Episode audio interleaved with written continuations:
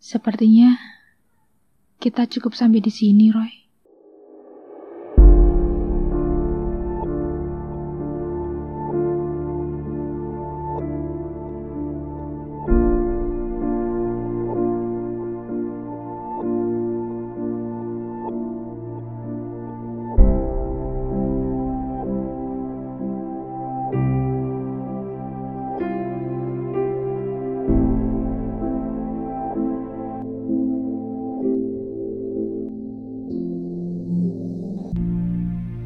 Berat mulutku mengucapkan kalimat perpisahan itu.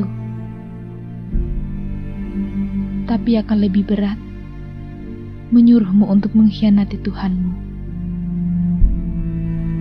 Kau pun terlalu baik dengan tidak pernah menyuruhku mengkhianati Tuhanku.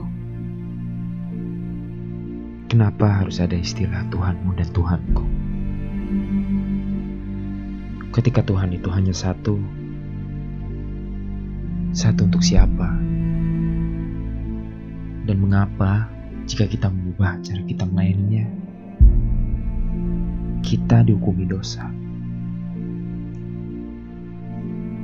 Ketika Sang Maha Cinta itu menurunkan cinta itu kepada kita,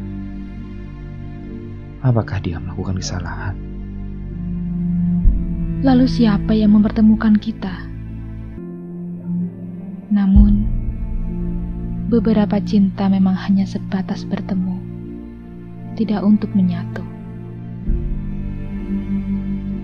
Apa kau yakin bahwa aku adalah cinta sejatimu? Bagaimana jika besok kau bertemu dengan dia yang seiman denganmu? Dan kalian mengikat janji sehidup semati di hadapan Tuhan.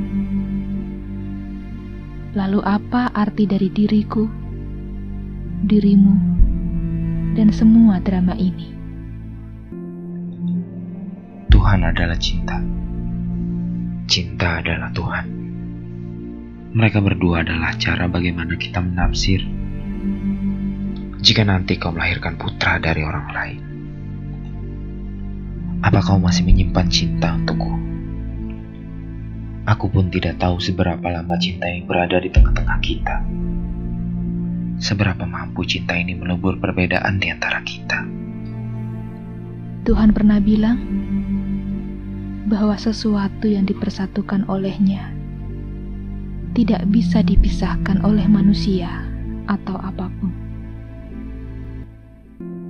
Lalu mengapa kita berpisah? Karena tafsir kita kepadanya.